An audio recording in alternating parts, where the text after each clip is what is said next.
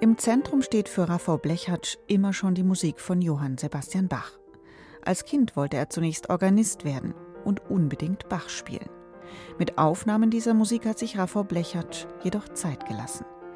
Und dass er jetzt mit fast 32 Jahren sein erstes Bach-Album mit kluger Werkauswahl veröffentlicht, unterstreicht, wie ernst und wichtig ihm dieses Övre ist.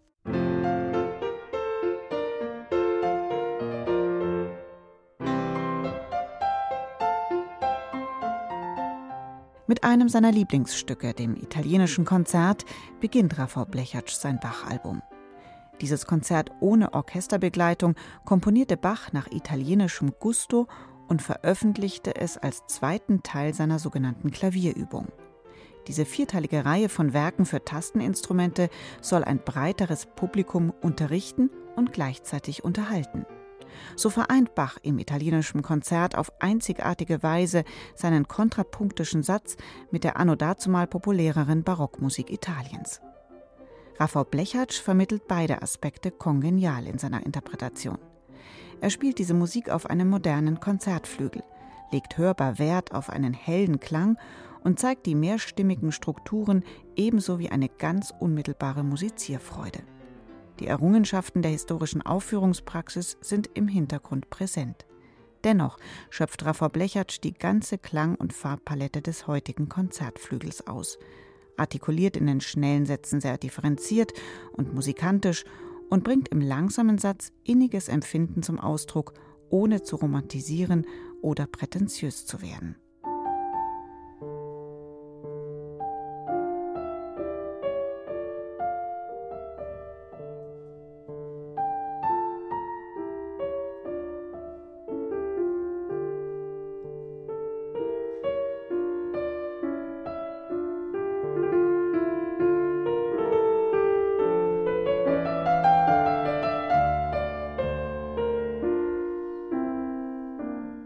Neben dem italienischen Konzert hat Raffo Blechatsch Bachs erste und dritte Partita aufgenommen, die vier Duette aus der dritten Klavierübung und schließlich den Choral Jesus bleibet meine Freude in der berühmten Klaviertranskription. Blechatsch hat diese Programmauswahl für seine neue CD sehr bewusst getroffen und in eine Abfolge gebracht. Vital, natürlich und frei klingt sein Spiel und zugleich sehr ernsthaft und reflektiert. Die komplexen einzelnen Stimmverläufe und Harmonien sind ebenso nachvollziehbar und transparent wie die unvergleichlich schönen Melodien. Gefühl und Ratio kommen zusammen, ergänzen und durchleuchten sich. Eines der schönsten Bach-Alben seit langer Zeit.